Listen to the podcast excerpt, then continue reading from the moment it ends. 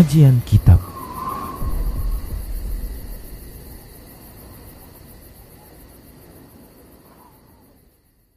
Bismillah, Assalamualaikum warahmatullahi wabarakatuh.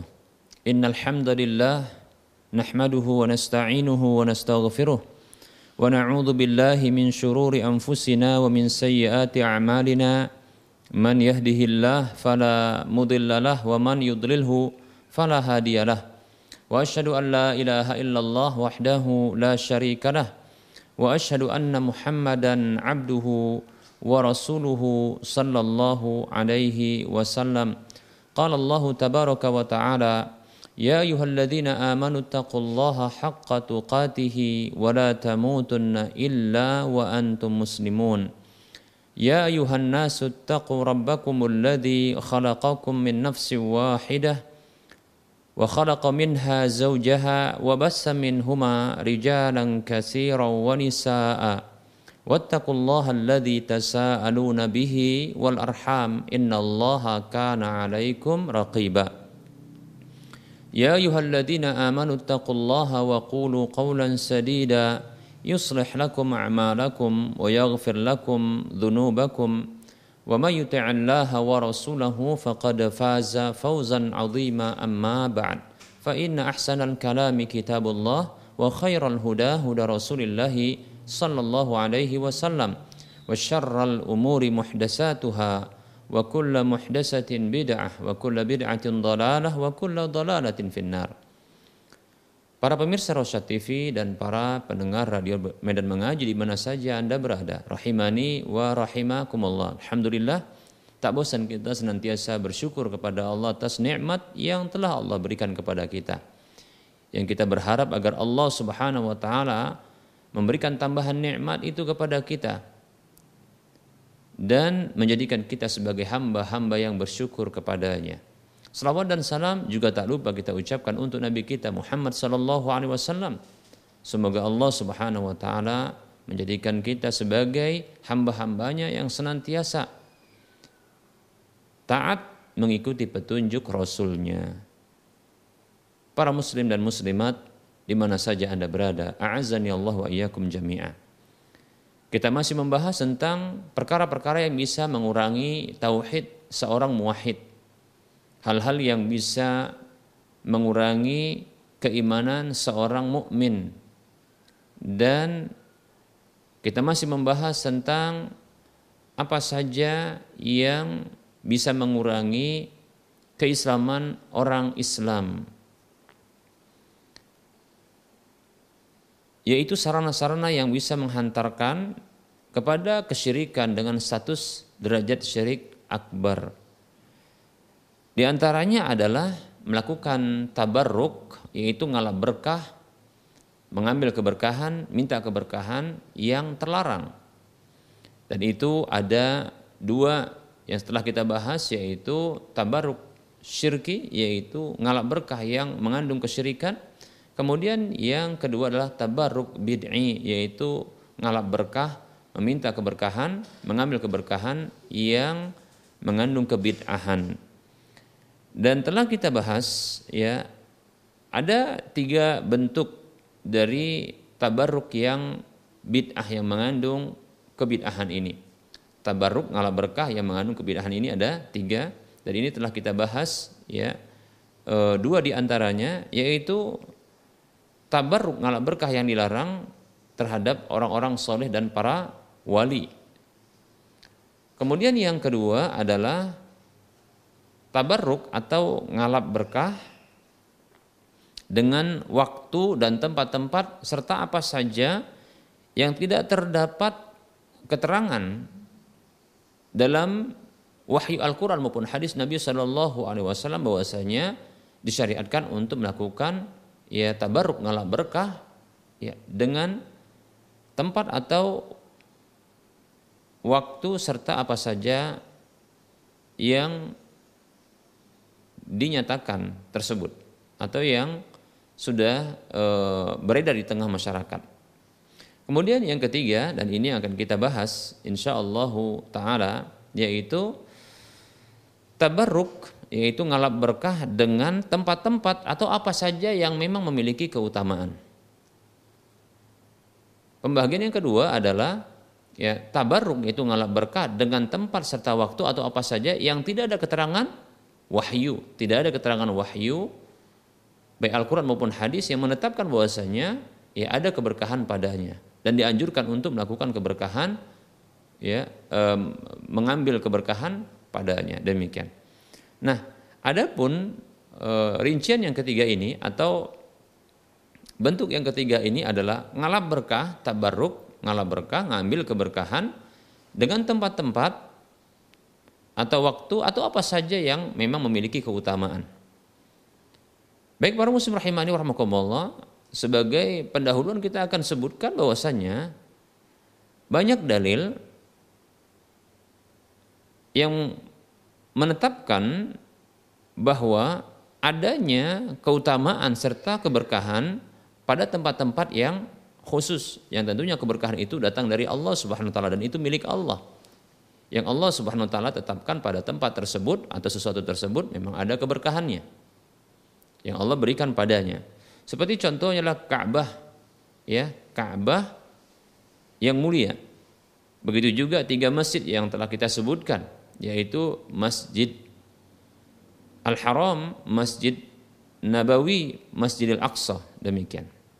Begitu juga seperti waktu-waktu ya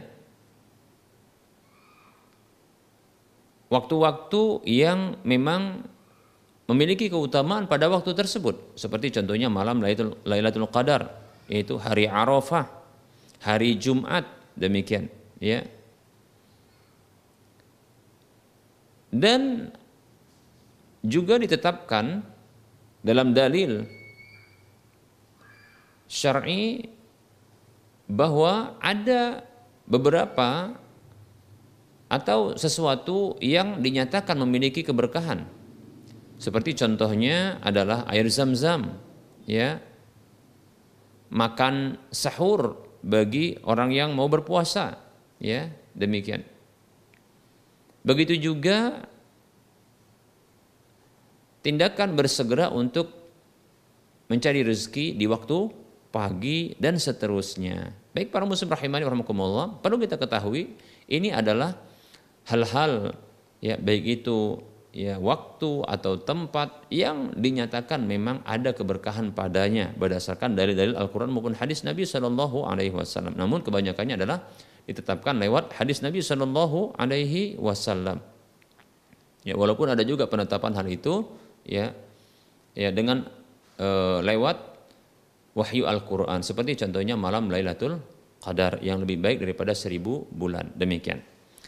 Baik perlu kita ketahui dan kita tegaskan bahwasanya cara mengambil keberkahan, cara ya ngalap berkahnya, tabarukan dengan apa saja yang telah kita sebutkan ini yang memang dia ditetapkan secara syar'i memiliki keutamaan dan keberkahan yang berasal dari Allah Subhanahu wa taala adalah dengan cara melakukan ibadah-ibadah yang ditetapkan secara syar'i lewat dalil Al-Qur'an maupun hadis Nabi Shallallahu alaihi wasallam ya terkait dengan tempat, waktu maupun apa saja yang memang ada keutamaan padanya.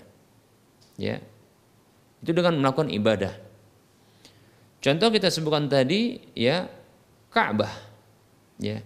Ka'bah itu memiliki keberkahan Ka'bah yang mulia, tapi bukan dengan cara ya contohnya menyentuh-nyentuhkan ya tubuh keseluruhan itu pada sisi-sisi Ka'bahnya, bukan, bukan itu. Tapi melakukan ibadah yang terkait dengan Ka'bah sesuai petunjuk Rasulullah Shallallahu alaihi wasallam. Seperti contohnya adalah dengan tawaf dengan tawaf. Ya. Tawaf sesuai petunjuk Nabi Shallallahu alaihi wasallam. Begitu juga dengan e, ibadah berupa menyentuh hajar aswadnya.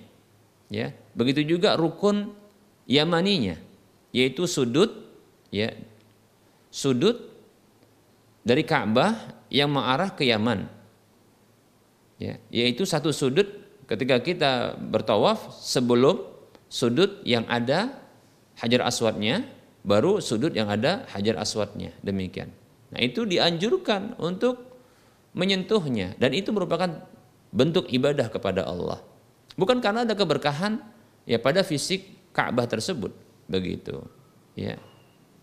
Tapi karena memang itu dinyatakan sebagai bentuk ibadah kepada Allah Subhanahu wa taala. Bahkan menyentuh Hajar Aswad ya, menciumnya ya dalam kondisi uh, tawaf saja demikian ya dalam kondisi tawaf saja. Nah, ini merupakan bentuk ya ibadah.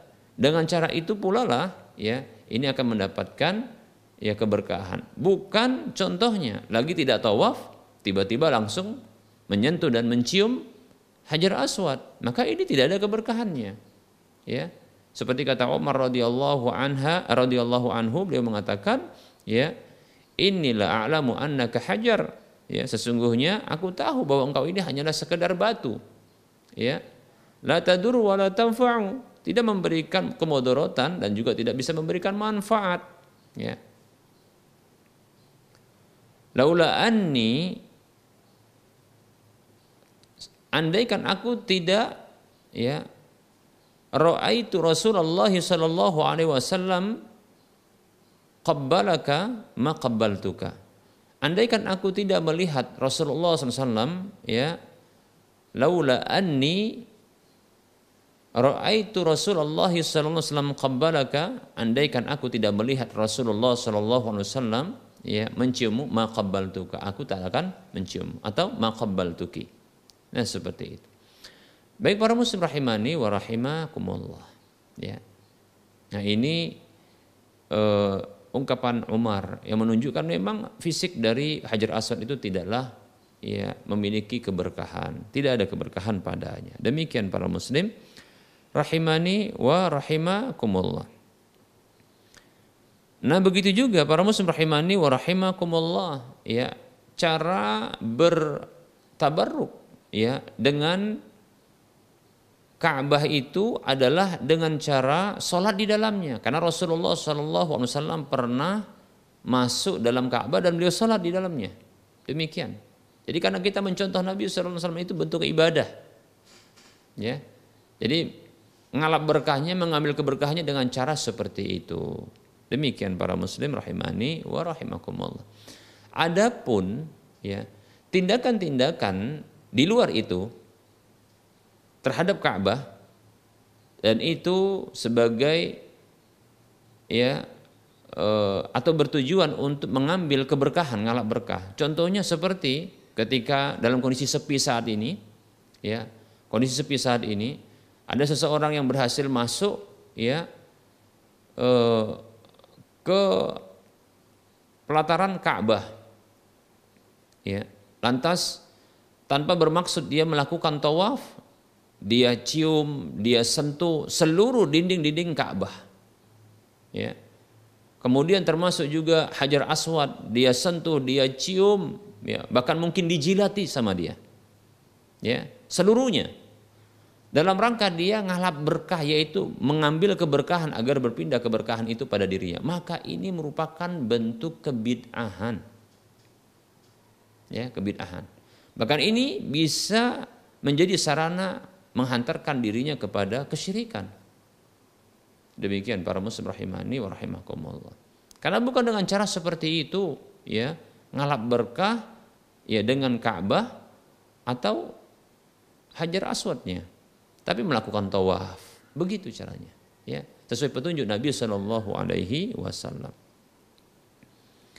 Nah, begitu juga ya ngalap berkah dengan ya Masjidil Haram, yaitu dengan cara sholat di dalamnya, etikaf di dalamnya, ya. Beribadah di dalamnya. Nah, pernah kita sebutkan bahwasanya ya Rasulullah SAW bersabda, "Salatun fi al-masjidil harami ya sesungguhnya solat di masjidil haram satu solat yang dilakukan di masjidil haram itu lebih baik daripada lebih afdol daripada solat seratus ribu kali di masjid selainnya. Baik para muslim rahimani rahimakumullah seratus ribu kali ya. Adapun di masjid Nabi SAW itu seribu kali lebih utama ya Adapun dalam hadis yang diperdebatkan oleh para ulama ya itu 500 ya kali lebih utama sholatnya di masjid Al-Aqsa demikian. Walaupun ini ada perbedaan uh, pendapat tentang kesohihannya. Baik para muslim rahimani warahmatullah. Nah, begitu caranya ya untuk ngalap berkah, mengambil keberkahan dengan tiga masjid ini. Bukan dengan cara begitu sampai di masjid ya Al-Haram itu menyentuh semuanya, memeluk dinding-dindingnya, memeluk uh, tiang-tiangnya, ya. Demikian, ya. Menggosokkan pakaian-pakaian, ya, pipi, ya, tangan pada dinding-dinding masjid tersebut. Tidak demikian, ya. Bukan seperti itu. Mengambil keberkahan, ngalap berkah dengan tiga masjid ini, namun sholat di dalamnya, ya. Maka akan dapatkan pahala ya seratus ribu kali lebih utama ketimbang dia sholat di masjid yang lainnya selain tiga masjid ini. Bila sholat di Masjidil Haram. Ya adapun di Masjid Nabawi maka itu serat uh, yaitu seribu kali lebih utama ketimbang ya sholat di masjid yang lain selain dari masjid tiga ketiga masjid ini. Ya. Adapun kalau di Masjid Al-Aqsa maka 500 kali lebih utama menurut satu oh, hadis yang dinyatakan sahih oleh sebagian ulama. Ya. Lebih utama 500 lebih 500 kali lebih utama ketimbang sholat di masjid yang yang lainnya selain dari tiga masjid ini. Demikian para muslim rahimani warahmatullah. Iktikaf di dalamnya seperti itu ya. Adapun tindakan-tindakan kita atau tindakan sebahagian orang yang ngalap berkahnya, mengambil keberkah dengan cara menempelkan tangan, mengusap-ngusap, menggosok-gosok, ya. Tangan menggosokkan tangan, menggosokkan pakaian, pipi dan seterusnya pada tiang, pada dinding masjid-masjid yang tiga ini, maka ini merupakan bentuk ngalap berkah yang bid'ah. Dan ini bisa menghantarkan pelakunya kepada syirik akbar. Mengapa? Karena tidak dijelaskan secara tidak ada keterangan syar'i. Seolah-olah dia tahu perkara yang gaib. Ya, bahwa ada keberkahan pada fisiknya, fisik dari ketiga masjid ini. Padahal tidak demikian cara ngalap berkah, mengambil keberkahan dengan ketiga masjid tersebut. Ya, demikian para muslim rahimani warahmatullah. Ya. Baik para muslim rahimani warahmatullah. Ya, Begitu juga berikutnya sesuatu yang dinyatakan dalam dalil Al-Quran maupun hadis Nabi Shallallahu Alaihi Wasallam ya bahwa sesuatu tersebut memiliki keberkahan yang Allah berikan padanya. Yaitu contohnya adalah malam Lailatul Qadar ya. Yang kata Allah Subhanahu wa taala demikian benar Rasulullah SAW mengatakan ya Lailatul Qadri khairum min alfi syahr ya Lailatul Qadar itu itu lebih baik daripada seribu bulan. Lebih baik dari seribu bulan. Berarti banyak kebaikan padanya. Baik para muslim rahimani warahmatullah. Maka ya cara ngalap berkahnya, cara ngalap berkahnya di malam Lailatul Qadar itu adalah dengan solat, ya, solat malam, ya, memperbanyak ibadah, membaca Quran, ya, berzikir, ya. dan melakukan ketaatan-ketaatan seperti berinfak, bersodakoh dan seterusnya. Demikian itu cara ngalap berkah, ya, dengan malam Lailatul Qadar. Bukan cara-cara yang lain, ya, bukan cara-cara yang lain.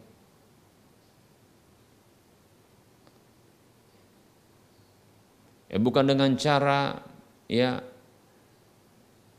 bersenandung ya menyanyikan selawat ya. Atau mungkin berjoget-joget ya. Atau yang lainnya ya. Yang tentunya dikhawatirkan ini jatuh kepada ya bentuk tabarruk yaitu ngalah berkah yang yang dia mengandung kebid'ahan. Baik para muslim rahimani wa rahimakumullah Berikutnya para muslim rahimani rahimakumullah yang dinyatakan juga ada keberkahan padanya dari Allah Subhanahu wa taala. Yang keberkahan itu memang datang dari Allah Subhanahu wa taala adalah air Zam-Zam, sesuatu yang dinyatakan memang ya memiliki keberkahan. Ya. Yang dalam sebuah hadis Nabi Wasallam bersabda yang disahkan oleh sebagian ulama, ya Rasulullah Shallallahu Alaihi Wasallam bersabda, "Ma'u zam-zam lima syuribalahu." Air zam-zam adalah ya air yang ditujukan ya untuk apa dia diminum ya untuk tujuan ya sesuatu dia diminum yaitu apabila seseorang menunjukkan air zam-zam itu untuk diminum dengan sebuah tujuan keinginan maka insya Allah taala bisa terkabulkan begitu juga dalam satu hadis sebutkan ya mau zam-zam air zam-zam itu adalah maun mubarak yaitu air yang diberkahi. Wallahu taala maka cara ngalap berkahnya cara cara ngalap berkahnya yaitu mengambil keberkahan ya dengan air zam-zam tersebut adalah dengan cara meminumnya ya. Sembari meyakini bahwasanya keberkahan itu bukanlah ya datang dari air zam air zam-zam itu sendiri tapi memang datang dari Allah Subhanahu wa taala ya dengan cara mandi ya dengan air zam-zam tersebut ya ya, untuk mendapatkan kesembuhan dari Allah Subhanahu wa taala ya mendatangkan kesembuhan dari penyakit yang kesembuhan itu datang dari Allah Subhanahu wa taala ya minumnya ya mengusapkan ya air zam-zam itu pada sesuatu organ yang sakit demikian seperti itu.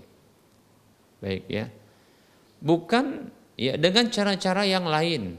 Seperti contohnya adalah ya dengan cara menggantungkan air zam-zam yang diletakkan pada benda-benda khusus ya. Atau tempat-tempat khusus dipajang diletakkan begitu ya.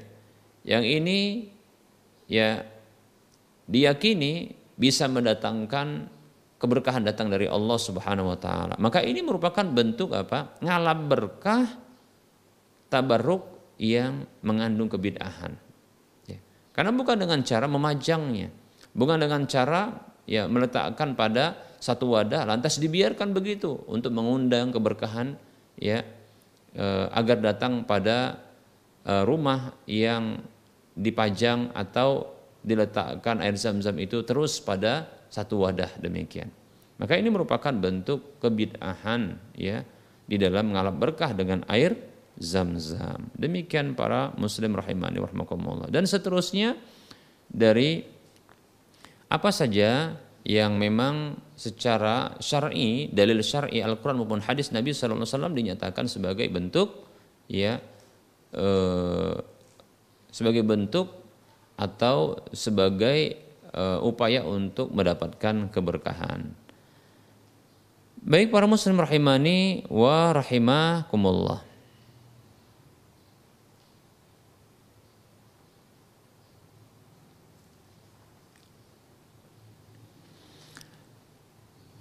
Maka tidak boleh ya, tidak boleh kita tegaskan tidak boleh kita ngalap berkah dengan cara selain yang ditentukan ya oleh Allah Subhanahu wa taala di dalam Al-Qur'an atau lewat lisan Rasulullah sallallahu alaihi wasallam atau yang diajarkan oleh Rasulullah kepada para sahabatnya demikian. Ya, tidak boleh dengan cara-cara yang lain. Oleh karenanya, siapa saja yang mereka ini ngalap berkah dengan waktu-waktu dan tempat-tempat atau apa saja yang memang terdapat secara uh, syar'i dalilnya yang menetapkan bahwa tempat tersebut memang memiliki keutamaan atau ada keberkahan yang datang dari Allah Subhanahu wa taala maka ketika dilakukan ya pengkhususan ibadah atau pengkhususan bentuk tabarruk yang tidak terdapat dalam syar'i tidak ada ketentuan dalam wahyu cara tersebut namun dilakukan oleh seseorang itu ya. Maka ketahuilah cara seperti ini itu merupakan bentuk ya ya kebid'ahan ya. Ini bentuk kebid'ahan karena menyalahi sesuatu yang disyariatkan oleh Allah Subhanahu wa taala lewat lisan rasulnya. Demikian ya. Baik Nah, kembali kita katakan Rasulullah bersabda sallallahu alaihi wasallam man ahdasa fi amrina hadza ma laysa minhu fahuwa raddun. Ya, hadis riwayat Bukhari Muslim. Siapa saja yang mengada-adakan, menginovasikan, mengkreasikan dalam urusan agama kami ini sesuatu yang bukan berasal darinya, maka dia tertolak. Demikian. Ya, maka dia tertolak. Maka tidak boleh, ya. Mengada-adakan, mengkreasikan, menginovasikan, satu jenis ibadah bentuk ngalap berkah itu adalah ibadah ya. Untuk mendapatkan keberkahan ya dengan cara-cara yang tidak dikata tidak di uh, syariatkan tidak diajarkan oleh Nabi Shallallahu Alaihi Wasallam walaupun pada waktu ya tempat atau apa saja yang memang di sana terdapat ya penetapan syar'i dari Al-Quran maupun hadis Nabi SAW bahwa sesuatu tersebut memiliki keutamaan demikian pula memiliki keberkahan yang datang dari Allah Subhanahu wa taala. Baik, eh, kita contohkan seperti contohnya adalah tindakan melakukan ya umroh di malam Lailatul Qadar. Secara khusus dikhususkan. Orang itu mengkhususkan umroh ya di malam Lailatul Qadar. Ya, Walaupun secara umum kita katakan bahwasanya ya umroh di bulan Ramadan itu pahalanya seperti berhaji bersama Rasulullah Shallallahu Alaihi Wasallam. Ya. Namun apabila mengkhususkan ya di malam Lailatul Qadar saja, padahal yang dimasukkan oleh Nabi Shallallahu Alaihi Wasallam ini ya kata Nabi Shallallahu Alaihi Wasallam ya umroh ya di bulan Ramadan itu seperti haji bersamaku kata Rasulullah SAW. Ya hadisnya sahih. Nah ini panjang, itu waktunya mulai dari awal Ramadan sampai akhir Ramadan. Tidak boleh dikhususkan. Tidak boleh dikhususkan. Dengan melakukan umroh contohnya di uh, waktu Lailatul Qadar, di malam Lailatul Qadar. Yang bisa jadi belum tentu itu malam yang tepat ya untuk Lailatul Qadar demikian. Seperti itu. Maka ini sebuah kekeliruan. Bisa jadi tindakan seperti ini ya keyakinan seperti ini membuat ya ibadah umrah ini menjadi ya bentuk tabarruk yang yang dia terlarang dan mengandung kebid'ahan. Padahal kalau tidak ada keyakinan seperti itu, contohnya karena dia ingin melakukan umroh, ya, atau melakukan e, tawaf, ya, atau melakukan ketika etikaf ketika itu, ya, tanpa ada keyakinan karena dia memang ingin memperbanyak ibadah ketika itu, lantas bertepatan ketika itu tawaf atau umroh, ya, itu sampai melewati Lailatul Qadar maka ini dibolehkan tapi tidak mengkhususkan ya seperti itu.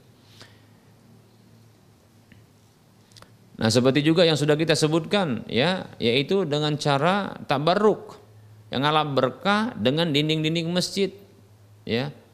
Dengan dinding Ka'bah, menciumnya, menyentuhnya, ya menggosok-gosokkan tangan, pipi, pakaian ya pada dinding-dinding Ka'bah, dinding masjid, ya, baik itu Masjidil Haram, Masjid Nabawi atau Masjidil Aqsa atau dengan ya menyentuh dan menggosok, memeluk ya makam Ibrahim, ya. Ya kalau sekedar hanya dia karena baru tahu ini makam Ibrahim lantas dia memeluknya tanpa ada maksud untuk ngalap berkah karena dia begitu ya baru tahu inilah apa baru tahu ini adalah e, makam Ibrahim, maka tidak masalah bagi dirinya.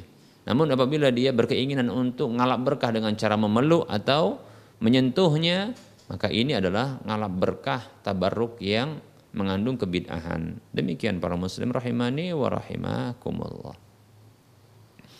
Atau contohnya ngalap berkah ya dengan cara menyentuh-nyentuh, menggosok-gosok, menempelkan pakaian ya pada batu yang disebut dengan Hajar Ismail ya. Hajar Ismail ya. Atau dengan eh, kain Ka'bah itu yang menutupinya ya. Dan seterusnya. Maka ini semuanya adalah diharamkan. Karena ini merupakan ya perkara baru ya dalam ibadah ngalap berkah. Demikian. Tidak ada pensyariatan dalam hal ini ya ini perkara baru yang tentunya diharamkan. Baik. perkara baru dalam urusan agama.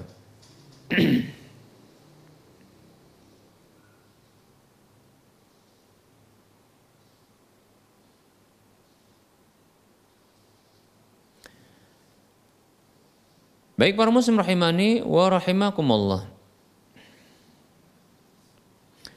Ketahuilah bahwasanya ya para sahabat Nabi Shallallahu Alaihi Wasallam mereka sepakat. Demikian pula para salaf dari umat ini ya. Dari tiga generasi sahabat tabiin tabiun tabiin bahkan para ulama ya Islam yang ternama itu tidaklah ya mensyariatkan hal-hal seperti ini ya. Menyentuh-nyentuh mencium ya kemudian menggosok-gosok pada dinding Ka'bah semuanya ya tanpa ada tawaf sebelumnya. Begitu juga dinding-dinding masjid Nabawi, Masjidil Haram, Masjidil Aqsa ya. Begitu juga makam Ibrahim ya atau Hijr Ismail batu Ismail uh, batu yang disebut dengan Hijr Ismail dan seterusnya. Ini tidak disyariatkan. Ini sepakat para para ya para sahabat demikian para tabiin tabiut tabiin serta para serta para ulama. Demikian para muslim rahimani wa rahimakumullah. Ada riwayat dari Abdul Razak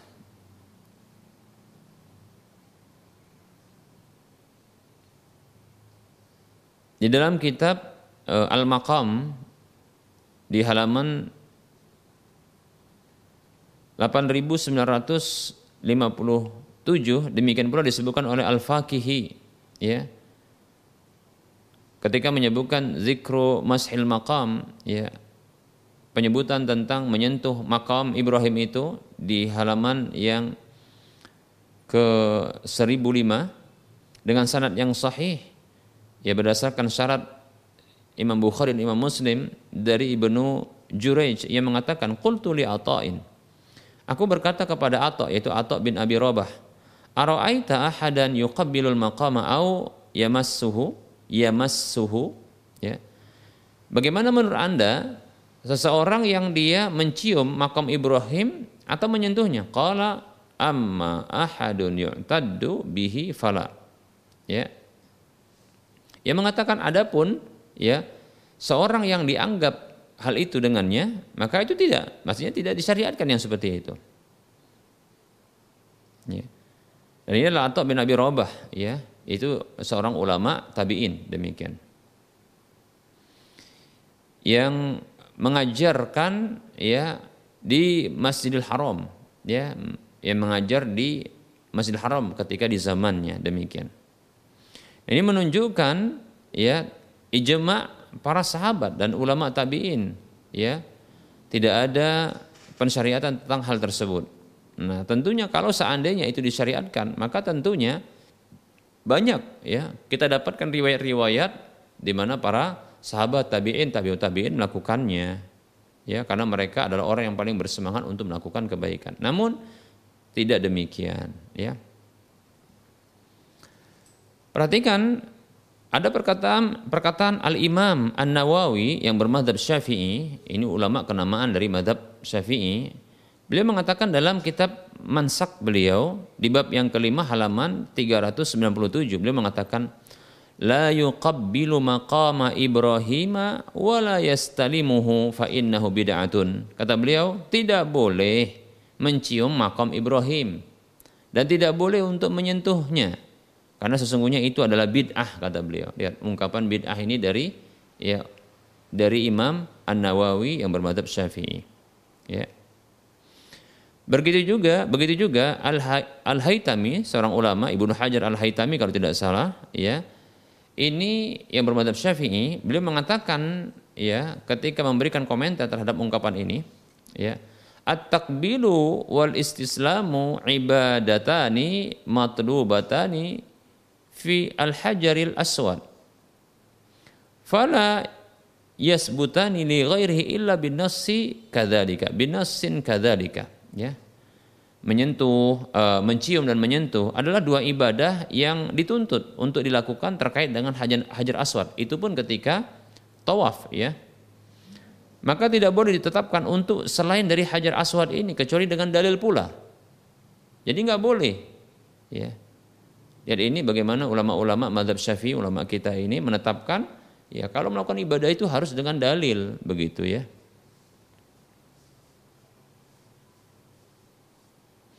Kemudian beliau menyebutkan dalil di mana uh, Nabi Shallallahu Alaihi Wasallam itu menyentuh rukun Yamani, ya Kemudian beliau menyebutkan bahwasanya tidak ada dalil yang menyebutkan tentang menyentuh atau mencium ya makam Ibrahim. Demikian para muslim rahimani wa rahimakumullah, ya.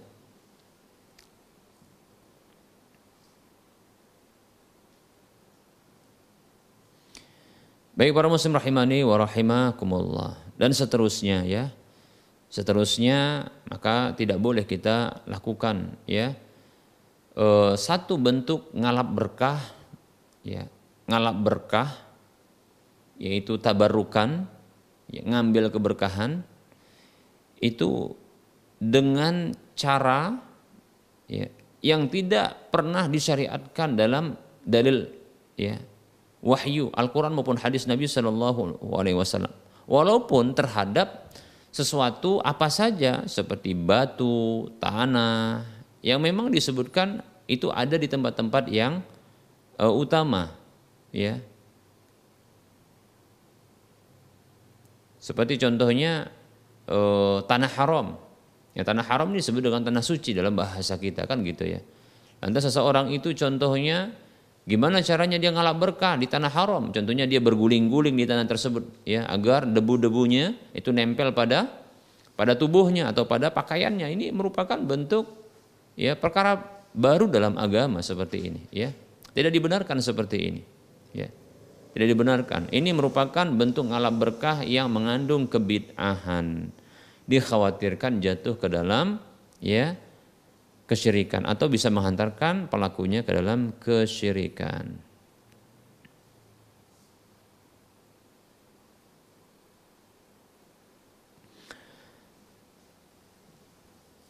Di antara dalil yang menunjukkan haramnya tabarruk yaitu ngalap berkah dengan apa saja memiliki keutamaan tapi dengan cara yang tidak disyariatkan ya adalah dalil yang terdapat dalam Sahih Bukhari ya. ya ini sudah kita sebutkan yaitu ungkapan dari khalifah yang kedua yaitu Umar bin Khattab radhiyallahu an yang beliau ini ya kita diperintahkan untuk mengikuti beliau ya Kata Nabi Shallallahu Alaihi Wasallam, Inna Allah ja'ala al-haqqa ala qalbi Umar wa lisanihi. Ini sudah kita sebutkan. Sesungguhnya Allah Subhanahu Wa Taala menjadikan kebenaran itu ada pada hati Umar dan lisan Umar. Begitu juga Rasul bersabda tentang ya Abu Bakar dan Umar radhiyallahu anhuma ya iktadu billadaini min ba'di Abi Bakrin wa Umar. Ya teladanilah dua orang ini setelahku sepeninggalku yaitu Abu Bakar dan Umar radhiyallahu anhuma ya. Nah ini sudah pernah kita sebutkan para muslim rahimani rahimakumullah dan baru saja tadi kita sebutkan juga. Apa ya ungkapan Umar ketika beliau menyentuh atau mencium hajar aswad beliau mengatakan ini la a'lamu annaki hajarun. Ya. Sepertinya bacaan seperti ini yang benar. Annaki hajarun. La tadurru wa la tanfa'u. Ya. Tapi kalau dari lafaz la tadurru wa la tanfa'u maka di sana lebih tepat annaka ya. Inilah a'lamu annaka hajarun. La tadurru wa la tanfa'u. Walaula anni ra'aitu an-nabiy sallallahu alaihi wasallam yuqabbiluka ma qabbaltuka. Sesungguhnya aku tahu bahwasanya engkau hanyalah sekedar batu, tidak bisa memberikan kemudorotan dan tidak bisa memberikan kemanfaatan. Ya. Tidak ada kemudaratan yang bisa tertimpa atau bisa balak musibah datang karena hajar aswad ini. Dan tidak juga bisa datang keberuntungan ya kemanfaatan ya kebaikan ya dengan hajar aswad ini ya kalaulah aku tidak melihat Nabi Wasallam menciummu tentu aku tak akan menciummu hadis Bukhari dan Muslim demikian ini ungkapan Umar jelas sekali ya bahwa mencium hajar aswad itu adalah mengikuti Nabi Wasallam demikian. Ya. Maka seorang mukmin ketika melakukan hal tersebut itu karena mencontoh Nabi Wasallam yang itu merupakan ibadah kepada Allah Subhanahu Wa Taala. Dan kita diperintahkan untuk mencontoh Nabi Wasallam. Bukan karena ya ngalap berkah dengan fisik hajar aswad itu bukan demikian ya. Karena Rasulullah karena Allah Subhanahu wa taala berfirman tentang Rasulullah wasallam ya laqad kana lakum fi rasulillahi uswatun hasanah liman kana yarjullaha wal yawmal akhir sungguh pada diri Rasulullah sallallahu alaihi wasallam itu bagi kalian ada suri tauladan yang baik bagi siapa saja yang mengharapkan perjumpaan dengan Allah dan hari akhir demikian jadi ada teladan yang baik, e, mencium, menyentuh hajar aswad. Nah, itunya yang kita contoh. Dengan begitu akan kita dapatkan kebaikan. Seperti itu. Bukan dikarenakan batu ini, ya batu hajar aswad ini yang meng, fisiknya mengandung keberkahan, bukan. ya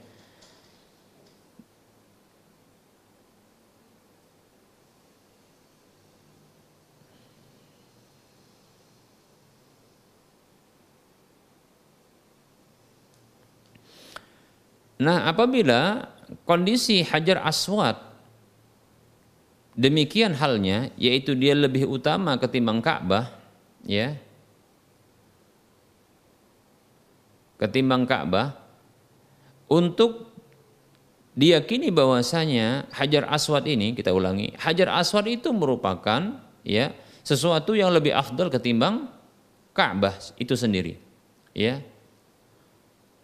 Nah, perlakuan Umar terhadap Hajar Aswad demikian bahwasanya batu itu Hajar Aswad itu itu tidak memiliki keberkahan pada fisiknya, zatnya. Ya. Lalu tentunya ya selain dari Hajar Aswad ini seperti tempat-tempat, benda-benda ya atau apa saja yang memiliki utamaan itu lebih utama, utama untuk diyakini bahwasanya tidak ada keberkahan pada zatnya, pada fisiknya. Demikian, seperti itu.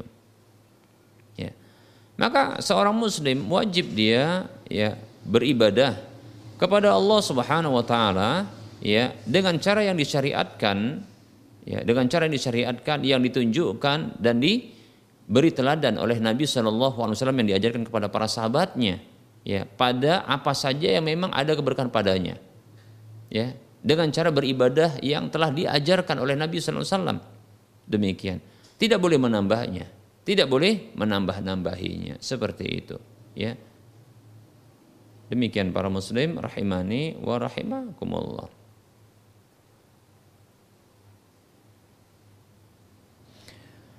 Dan di antara pula yang menunjukkan haramnya tabarruk ngalap berkah dengan apa saja yang memang ada keutamaan padanya atau ada keberkahan padanya. Namun dengan cara yang tidak disyariatkan yang tidak diajarkan oleh Nabi wasallam dan itu tidak dilakukan oleh para sahabat radhiyallahu anhum ajma'in. Yaitu riwayat yang sahih dari Habrul Ummah Turjumanul Quran yaitu ya anak paman Nabi wasallam. Atau sepupu Nabi SAW yaitu Ibnu Abbas radhiyallahu anhu di mana beliau ini pernah mengingkari orang yang menyentuh ya rukun empat rukun Hajar Aswad itu. Maaf empat rukun e, dari Ka'bah itu. Rukun itu maksudnya sudut-sudutnya. Semua disentuhi. Ya. Disentuh oleh orang tersebut. Ya. Seperti contohnya sudut-sudut sudut dari Hajar Aswad, kemudian berikut setelahnya adalah ya e, rukun Syami yang pertama, kemudian setelahnya sudut rukun Syami yang kedua, baru berikutnya adalah rukun Yamani. Ya. Maka ini diingkari oleh e, Ibnu Abbas radhiyallahu an huma.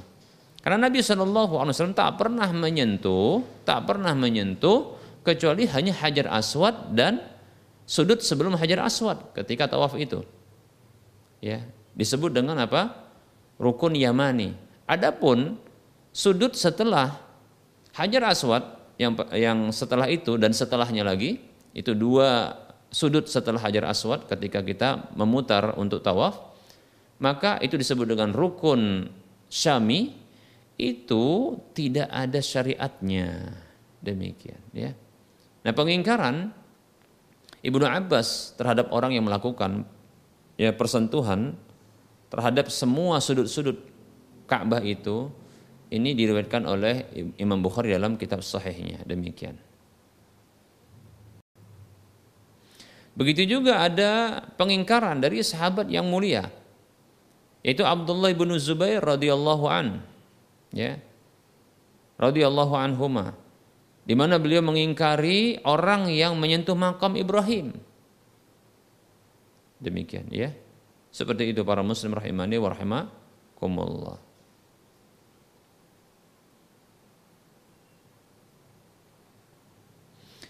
Baik para muslim rahimani wa rahimakumullah.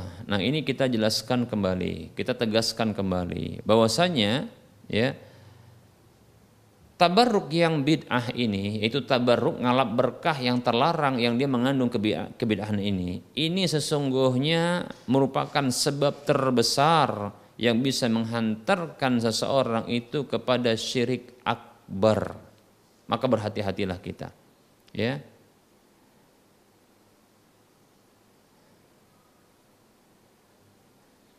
Oleh karenanya ya kita dapatkan ya tatkala Allah Subhanahu wa taala ya didurhakai dengan cara cara seperti ini. Yaitu tabaruk yang bid'i seperti ini. Yang dilakukan oleh sebagian kaum muslimin ya. Ternyata hal ini menghantarkan mereka pada umumnya kepada ya syirik akbar, menghantarkan mereka kepada syirik akbar. Demikian. Untuk langkah tahapannya jatuh dulu ke dalam syirik tabarruk ya apa namanya e, tabarruk yang syir, syirki yaitu ngalap berkah yang syirik. Pertama diyakini ya oh ini adalah tempat, ini adalah waktu, ini adalah benda-benda sesuatu yang utama, yang ada keutamanya dan dinyatakan ada keberkahannya. Lalu mereka pun melakukan apa saja pada benda-benda tersebut sesuai sesuka hati mereka ya tanpa mengindahkan dan memperhatikan ya tata cara tabarruk yang syar'i di dalam ya e, beribadah terkait dengan apa saja yang ada keutamaan tersebut yang datang dalam Al-Quran maupun hadis Nabi SAW. Ini tidak diindahkan. Mereka lakukan seperti itu. Kemudian Hal ini ternyata mendorong mereka dan ini tentunya dari syaitan mendorong mereka untuk melakukan ngalap berkah ya ngalap berkah yang dia jatuh kepada kesyirikan. Ya diyakini bahwasanya ya ini ternyata sesuatu yang apa namanya sesuatu ini bisa memberikan keberkahan dengan sendirinya. Nah, seperti itu. Ya. Seperti air zam-zam, diyakini dia bisa memberikan ya apa namanya? E, keberkahan, maka dipajang oleh dia. Nah, seperti itu. Ya, ini tentunya ada apa? tabaruk yang syirik. Sampai-sampai akhirnya menghantarkan mereka untuk melakukan tabaruk yang yang syirik yang lainnya. Pada benda-benda yang mereka atau pada sesuatu atau apa saja yang mereka yakini bahwasanya ini ada keutamaan padahal tidak ada. Padahal tidak tidak ada. Ya. Padahal tidak ada keutamaan pada sesuatu tersebut. Lantas mereka ya ya melakukan ya tindakan tabarruk yaitu ngalap berkah ya pada sesuatu ya tersebut. Diyakini bahwasanya ini merupakan sesuatu yang bisa menghadirkan keberkahan secara sendirinya. Nah, ini merupakan bentuk kesyirikan. Nah, seperti itu. Baik para muslim rahimani wa rahimakumullah.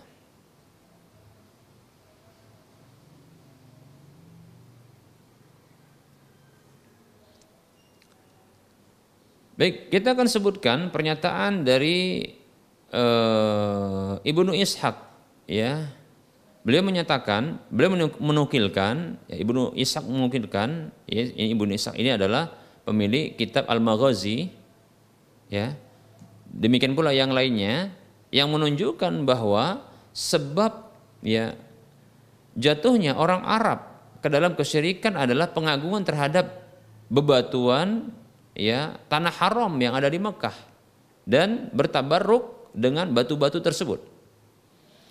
Bahkan ya Al Imam Abu Ishaq Asy-Syatibi Al-Maliki yang bermadzhab Maliki ya ketika beliau memberikan penjelasan terhadap tabarruk beliau mengatakan al-ammatu la taqtasiru fi dzalika ala haddin bal tatajawazu fihi al-hududa wa tubalighu fi jahliha fil tilmasil barakati hatta yudakhilaha lil mutabarraki bihi ta'zimu ta'zimun ya yakhruju bihi anil haddi. Farubbama i'taqada fil mutabarrak fi fi, fi mutabarraki ya bihi ma laysa fihi. Wa hadha at-tabarruk huwa aslul ibadati wa li ajlihi qata'a Umaru radhiyallahu anhu asy-syajarata ya biwai'i tahta sallallahu tahtaha an-nabi sallallahu alaihi wasallam bal huwa kana aslul ibadati al-awsan ya fil umamil khaliyati hasaba ma zakarahu ahlus siyar. Beliau menyatakan dalam kitab Al-I'tisam ya orang-orang awam mereka tidak terbatas ya hanya pada hal itu saja. Bahkan mereka berlebihan melewati batasan-batasan tersebut. Mereka berlebihan di dalam kebodohan mereka di dalam mencari keberkahan sampai ya masuklah ya pengagungan ya terhadap sesuatu yang diambil keberkahan dengannya sampai keluar dari batasan tersebut bahkan terkadang meyakini pada sesuatu yang diambil keberkahan tersebut ya sesuatu yang dinyatakan ada keberkahan tersebut itu dengan sesuatu yang tidak ada padanya. Padahal ya tabarruk tersebut adalah asal ibadah. Ya, asal ibadahnya. Oleh karena itulah Umar radhiyallahu itu pernah memotong pohon yang Nabi wasallam itu pernah berteduh di bawah pohon tersebut. Ya,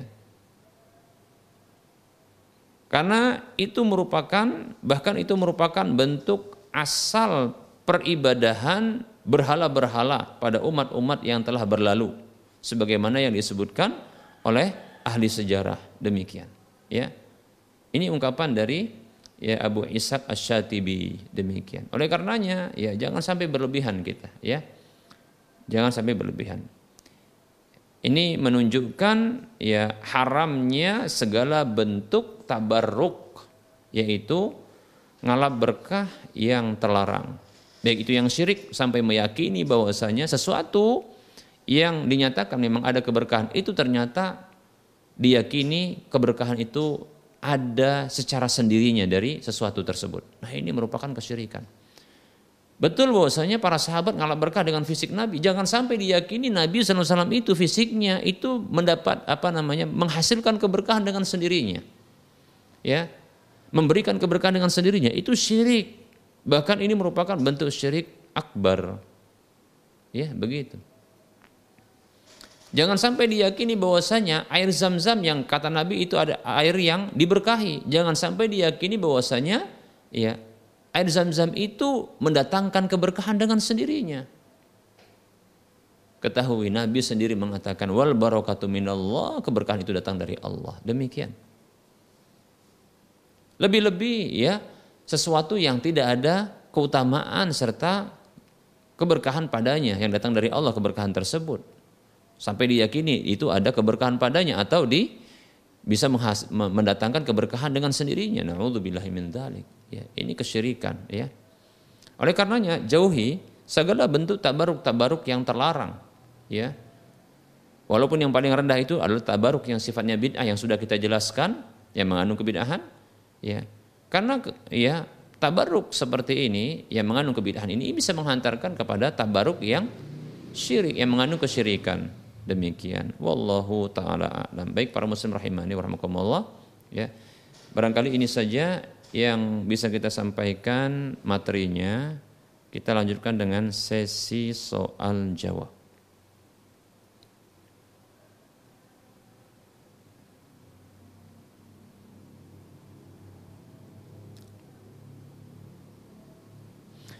Bismillah, Assalamualaikum Ustadz Ada seorang kakek yang hilang.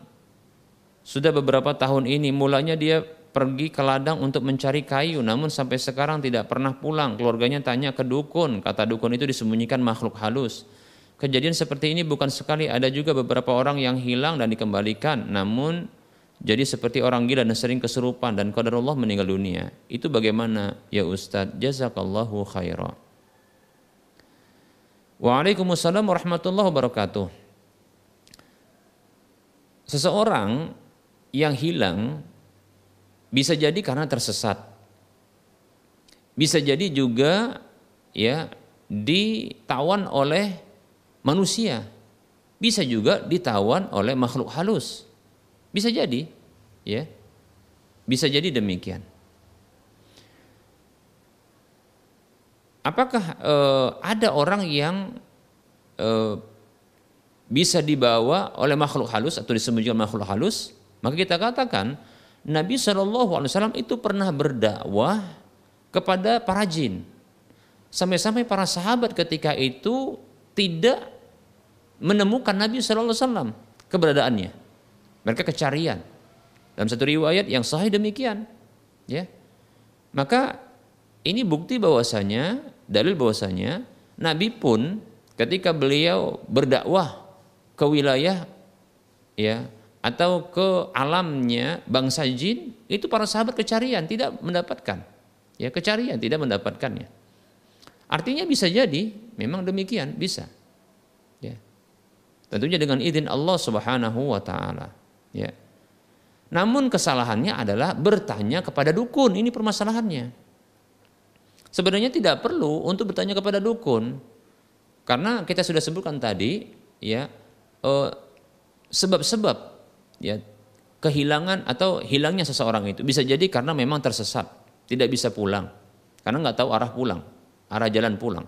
Atau bisa jadi karena ditawan manusia, disembunyikan manusia. Atau bisa juga jadi disembunyikan atau ditawan oleh para jin. Bisa jadi. Jadi tidak perlu tanya kepada dukun. Kesalahannya bertanya kepada dukun ya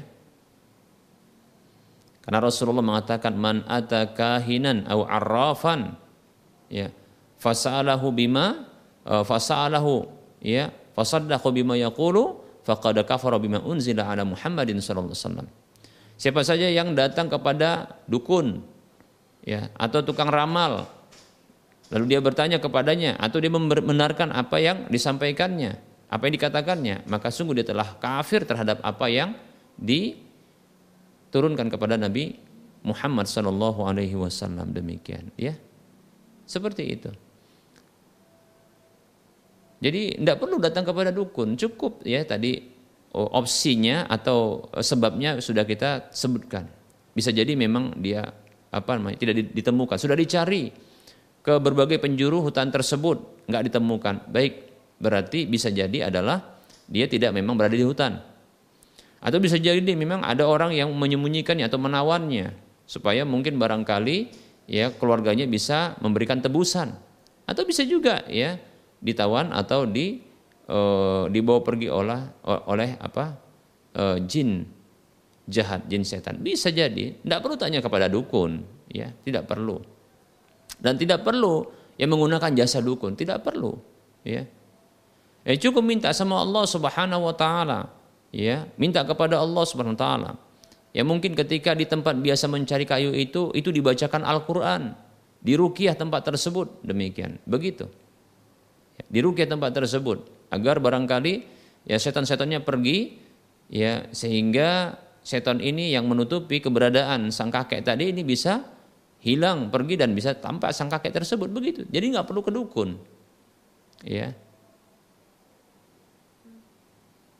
Dan orang-orang seperti ini memang biasanya bisa jadi adalah kesurupan setelah itu, ya, karena biasa berinteraksi dengan si setan tersebut, ya, ya, dan bisa juga meninggal dunia, ya tentu, ya. Baik seperti itu ya. Jadi tidak perlu datang kepada dukun.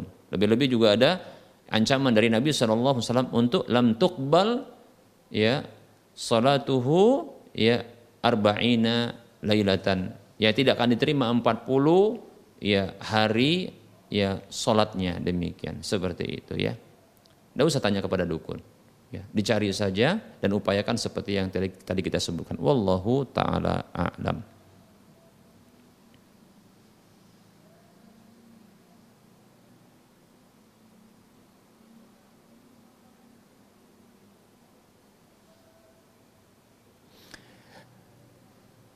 Assalamualaikum, Afan Ustadz, saya Sofian dari Lubuk Pakam.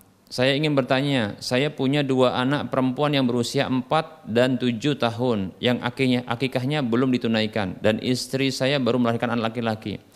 Kira-kira mana yang harus didahulukan akikahnya Ustadz? Berhubung keterbatasan dana, saya dan istri hanya mampu membeli dua kambing. Mohon jawabannya Ustadz. Dan berhubung saya juga mempunyai hutang dengan teman senilai ya dua ekor kambing seharga dengan dua ekor kambing manakah yang harus didahulukan Ustadz baik Waalaikumsalam warahmatullahi wabarakatuh. Ya. Ketahui bahwasanya para ulama mereka sepakat bahwasanya membayar hutang kepada manusia itu hukumnya wajib. Sepakat dengan status ijma tidak ada perbedaan pendapat di kalangan para ulama. Kenapa? Banyak dalil menunjukkan hal tersebut. Di antaranya hadis Nabi Shallallahu Alaihi Wasallam, nafsul mu'mini mu'allaqatun bidaini hatta yuqda anhu, bidainihi hatta yuqda anhu. Hadis riwayat Tirmidzi. Ya, jiwa seorang mukmin itu terkatung-katung bergantung dengan hutangnya sampai dibayarkan. Jadi dibayarkan. Ini sepakat para ulama dengan satu ijma. Adapun akikah, hukum akikah para ulama mereka ini ya berbeda pendapat. Ada yang mengatakan wajib ya bagi yang mampu. Ada yang mengatakan sunnah muakkadah, ada yang mengatakan bahkan makruh ya untuk dilakukan demikian. Ya. Nah tentunya ya mendahulukan sesuatu yang wajib yang disepakati dengan status ijma oleh para ulama itu lebih utama ketimbang mendahulukan sesuatu yang masih diperdebatkan oleh para ulama tentang hukum wajibnya seperti itu. Maka saya condong bayar hutang terlebih dahulu. Bayar hutang. Bukan akikah. Mudah-mudahan dengan bayar hutang tersebut akan dimudahkan untuk apa? Untuk bisa berakikah demikian, ya. Seperti itu. Bayar hutang terlebih dahulu. Lakukan bayar hutang, ya. Nah, selesaikan setelah itu maka nantikan rezeki dari Allah SWT ya. Dan untuk akikah Mana didahulukan apabila ternyata ada rezeki berikutnya, maka dahulukan akikah anak yang baru lahir. Seperti itu. Anak yang baru lahir. Ya. Pilih waktunya sesuai petunjuk Nabi SAW yaitu di hari ke-7 atau di hari ke-14 atau di hari ke-21 demikian. Demikian ya. Adapun apabila ingin mengakikahi ya anak yang dua orang sebelumnya yang telah lahir yang di usia 4 tahun atau ya, dan begitu yang tujuh tahun maka silahkan jika ingin berpendapat untuk apa e, mengakikahi anak yang sudah besar ini ya karena mungkin telah mampu silahkan berpendapat dengan pendapat ya ulama yang lain yang membolehkan untuk mengakikahi anak walaupun ya anak tersebut sudah besar asalkan belum balik itu satu pendapat dan mengatakan demikian. Dan ini salah satu pendapat dari ulama madhab Syafi'i. Demikian. Ya, wallahu taala a'lam.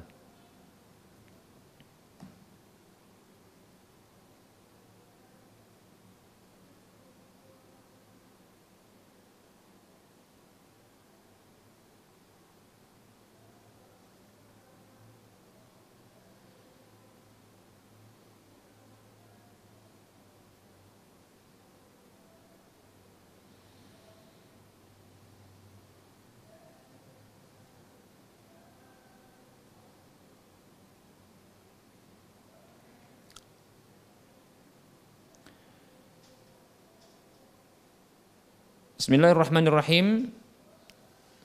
Semoga pagi ini Allah berikan keberkahan kepada ustadz yang banyak, maksudnya keberkahan yang banyak kepada ustadz dan keluarga. izin bertanya Ustaz, bagaimana derajat hadis berikut ini? Yaitu hadis intasduqillaha yasdukka. Ya. Baik para muslim rahiman rahimakumullah, hadis ini ya hadis yang sahih yang diriwayatkan oleh Imam An-Nasai ya dalam kitab Sunan beliau dengan nomor urut hadis 1955 dan dinyatakan sahih oleh Syekh Al-Albani rahimahullahu taala dalam Sahihul Jami. Ya. Dari sahabat Shaddad Ibnul Had Rasulullah sallallahu alaihi wasallam bersabda, ya, "In tasduqillaha yasdukka." Ya bila engkau jujur kepada Allah Subhanahu wa taala, maka Allah jujur kepadamu. Maka dia itu Allah akan jujur kepadamu. Ya, seperti itu. Nah, kalau kita jujur di dalam uh, iman kita, di dalam pernyataan kita tentang sesuatu yang kita yakini, maka sesungguhnya Allah jujur ya untuk memberikan balasan, ya, memberikan balasan dan mengabulkan ya keinginan kita yang baik tersebut. Wallahu taala alam. Barakallahu fiik Ustaz wa fiik barakallah.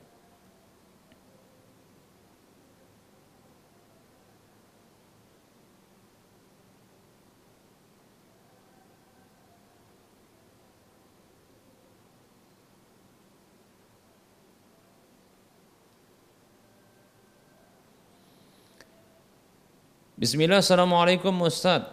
Mohon nasihatnya bagaimana menanggapi istri yang meminta prioritas lebih daripada ibu kandung dan keluarga anak sendiri, saya sendiri, ya. Sampai ia berkata kadang ia di nomor sekiankan dalam hidup suaminya, kayak ia bukan prioritas dalam hidup suaminya. Jazakallahu khairah. Waalaikumsalam warahmatullahi wabarakatuh. Wa anta fajazakallahu khairah. Ya, yang seperti ini tentunya karena istri tersebut tidak paham, ya, tidak paham tentang agama dengan baik. Oleh karenanya termasuk hak seorang istri adalah mendapatkan pendidikan agama. Maka sang penanya ini mestinya ya ya Anda wahai sang penanya itu memberikan pelajaran terhadap istri pendidikan agama yang cukup sehingga tidak akan berpikiran seperti ini ya tidak berpikiran seperti ini ya andaikan porsi agama itu cukup e, cukup ya maka insya Allah tidak akan demikian tidak akan demikian ya Mengapa? Karena nantinya dia adalah seorang ibu bagi anak-anaknya. Yang berikutnya anak-anaknya tersebut yang laki-laki dituntut juga untuk melakukan sikap yang demikian terhadap dirinya. Yang dia yang dia tidak ingin ya menantu perempuannya ini juga akan melakukan ya e, tidak akan menjadi rival bagi dirinya kan begitu. Atau dia menginginkan menantu perempuannya itu memahami kondisinya seperti itu. Kalau dia paham dia tidak akan demikian. Ya. Dan barangkali sepertinya di sini juga ada pertama kesalahan tadi dalam pendidikan ya ajar eh, apa namanya pendidikan Islam, pendidikan agama yang cukup bagi istri ada kekurangan dalam hal ini, ya. Sepertinya kurang ngaji begitu ya. Bukan kurang ngajar tapi kurang ngaji, ya. Yaitu tidak diberikan pendidikan agama yang cukup hadirkan dalam kajian-kajian supaya paham demikian. Seperti itu ya. Yang kedua sepertinya juga ada eh, sebahagian dari hak-hak istri yang belum dipenuhi. Sehingga ketika ya ada perhatian yang berlebih kepada ya orang tua sang suami, begitu juga keluarganya, maka muncul kecemburuan. Nah, seperti itu. Maka sesungguhnya kalau seandainya ya diberikan cukup seperti mungkin nafkah yang cukup ya, demikian ya. Nafkah yang cukup diberikan juga contohnya barangkali ya eh, nafkah berupa sandang, sandang itu ya pakaian, ya, pangan, pakannya, makannya nah, seperti itu tempat tinggalnya itu cukup maka insya Allah ya perhatian yang berikutnya diberikan kepada sang ibu, orang tua, begitu juga keluarga, maka ini tidak akan menimbulkan kecemburuan bila tercukupi. Seperti itu, ya. Demikian. Ya. Maka cobalah ya diberikan pendidikan agama kepada sang istri tersebut ya tentang ya rumah tangga, tentang keseluruhan dalam agama ini dimulai dari akidah, kemudian fikih ibadah, fikih muamalah, masalah akhlak, interaksi dalam rumah tangga, hak dan kewajiban, ya diberitahu. Insya Allah bila telah cukup dan mumpuni, saya kira tidak akan demikian terjadinya. Ya, wallahu taala a'lam.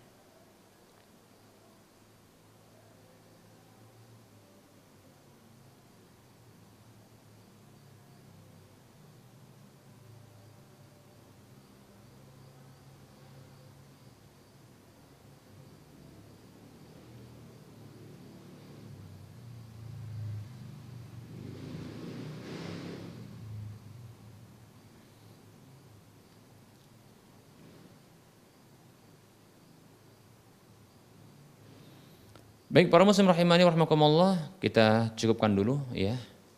Sepertinya eh, waktu ini, waktu saat ini sudah mendekati eh, masuk waktu untuk sholat fardu zuhur untuk wilayah Medan dan sekitarnya. Oleh karenanya kita cukupkan terlebih dahulu. Mudah-mudahan kita diberi kesempatan untuk bisa bertemu kembali di waktu-waktu berikutnya.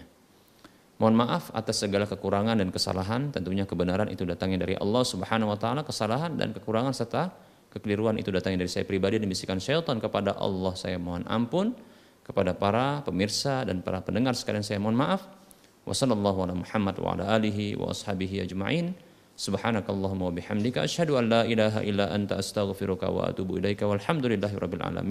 Wassalamualaikum warahmatullahi wabarakatuh.